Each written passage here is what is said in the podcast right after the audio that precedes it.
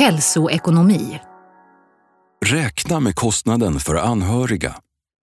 Varje stroke kostar samhället 741 000 kronor. Nu kommer studier som visar kostnaden för de drabbades partners, både i lidande och pengar.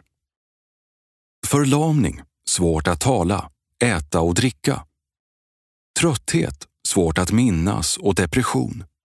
En stroke innebär stort lidande för många som drabbas med både synliga och osynliga funktionsnedsättningar. Även anhörigas situation påverkas. Sju år efter en stroke upplever partners försämrad hälsa och livskvalitet. De ägnar också åtskilliga timmar åt att ge stöd till den som har följder efter en stroke. Det visar en avhandling från Salgrenska akademin i Göteborg. Om man räknar med kostnaden för de anhöriga kan det visa sig att förebyggande och rehabiliterande insatser blir än mer kostnadseffektiva, även om det inte ser ut så idag, säger hälsoekonomen Josefin Persson som gjort studien. För några år sedan beräknade forskare från Institutet för hälsoekonomi, IHE, samhällskostnaden för en stroke till 741 000 kronor. Den kommunala omsorgen stod för merparten, följt av produktionsbortfall och sjukvård. En liknande studie med 3 000 patienter i Västra Götalandsregionen, som Josefin Persson deltagit i, kom fram till att samhällskostnaden för en stroke var 768 000 kronor. Men i ingen av dessa studier finns de hälsoekonomiska konsekvenserna för anhöriga med.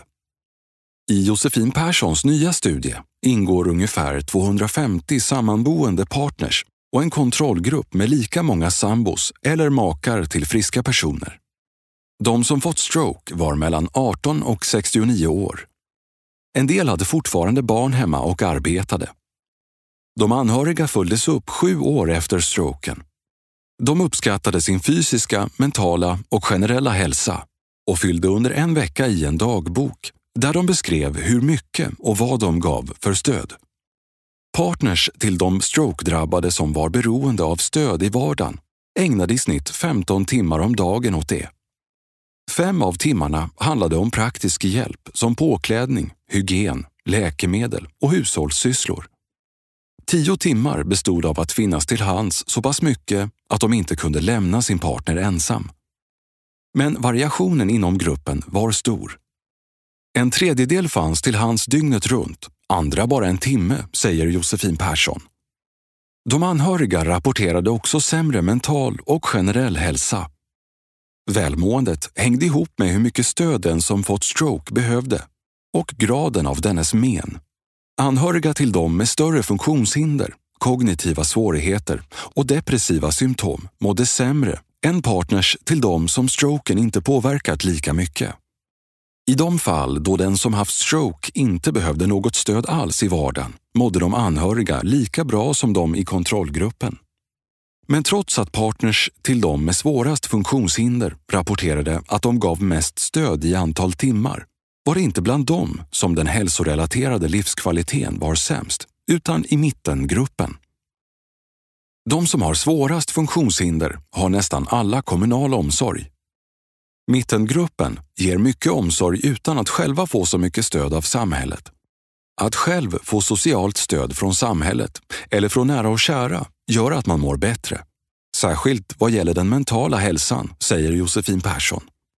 För att få en prislapp på de anhörigas stöd har forskarna använt samma metod som i andra hälsoekonomiska studier och räknat på produktionsbortfall. Man räknar med att personen i fråga antingen skulle arbeta eller ha fritid om den inte hjälpte partnern som drabbats av stroke. Eftersom ingen i studien rapporterat att de gått ner i arbetstid räknade forskarna med att allt stöd utfördes på fritiden. De kom fram till att genomsnittet på 15 timmar stöd om dagen motsvarade ett årligt värde av 250 000 kronor. Det kan jämföras med de vars partner inte var beroende av stöd och vars insats stannade på 10 000 kronor. Det är en enorm skillnad. Om man skulle ge insatser till personer som insjuknat i stroke för att minska deras grad av beroende av stöd från anhöriga finns det ett stort värde att spara, säger Josefin Persson. Hon har inte räknat på vad makarnas egna försämrade hälsa kostar. Dessvärre har vi inte information om det. Vi kan se att deras mentala hälsa är sämre än i kontrollgruppen. Man talar också ofta om att det finns en samsjuklighet hos par i och med att man delar samma livsstil. Är den ena mer stillasittande blir den andra ofta det också. Jag vill gärna undersöka det mer, säger hon. Vad kan man göra för att underlätta för patienterna och deras partners? Sju år efter stroken är det få som har kontakt med vården eller den kommunala omsorgen. Därför blir det i många fall upp till dem att själva ta kontakt eller söka information och det kan vara svårt. Vi vet från en kunskapsöversikt att riktade insatser till anhöriga som hjälper dem med behov som de själva har identifierat fungerar bra.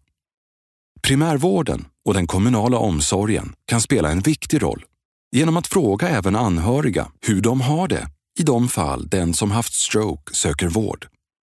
Arbetsgivare kan underlätta för partnern att kombinera arbetet med omsorgen hemma.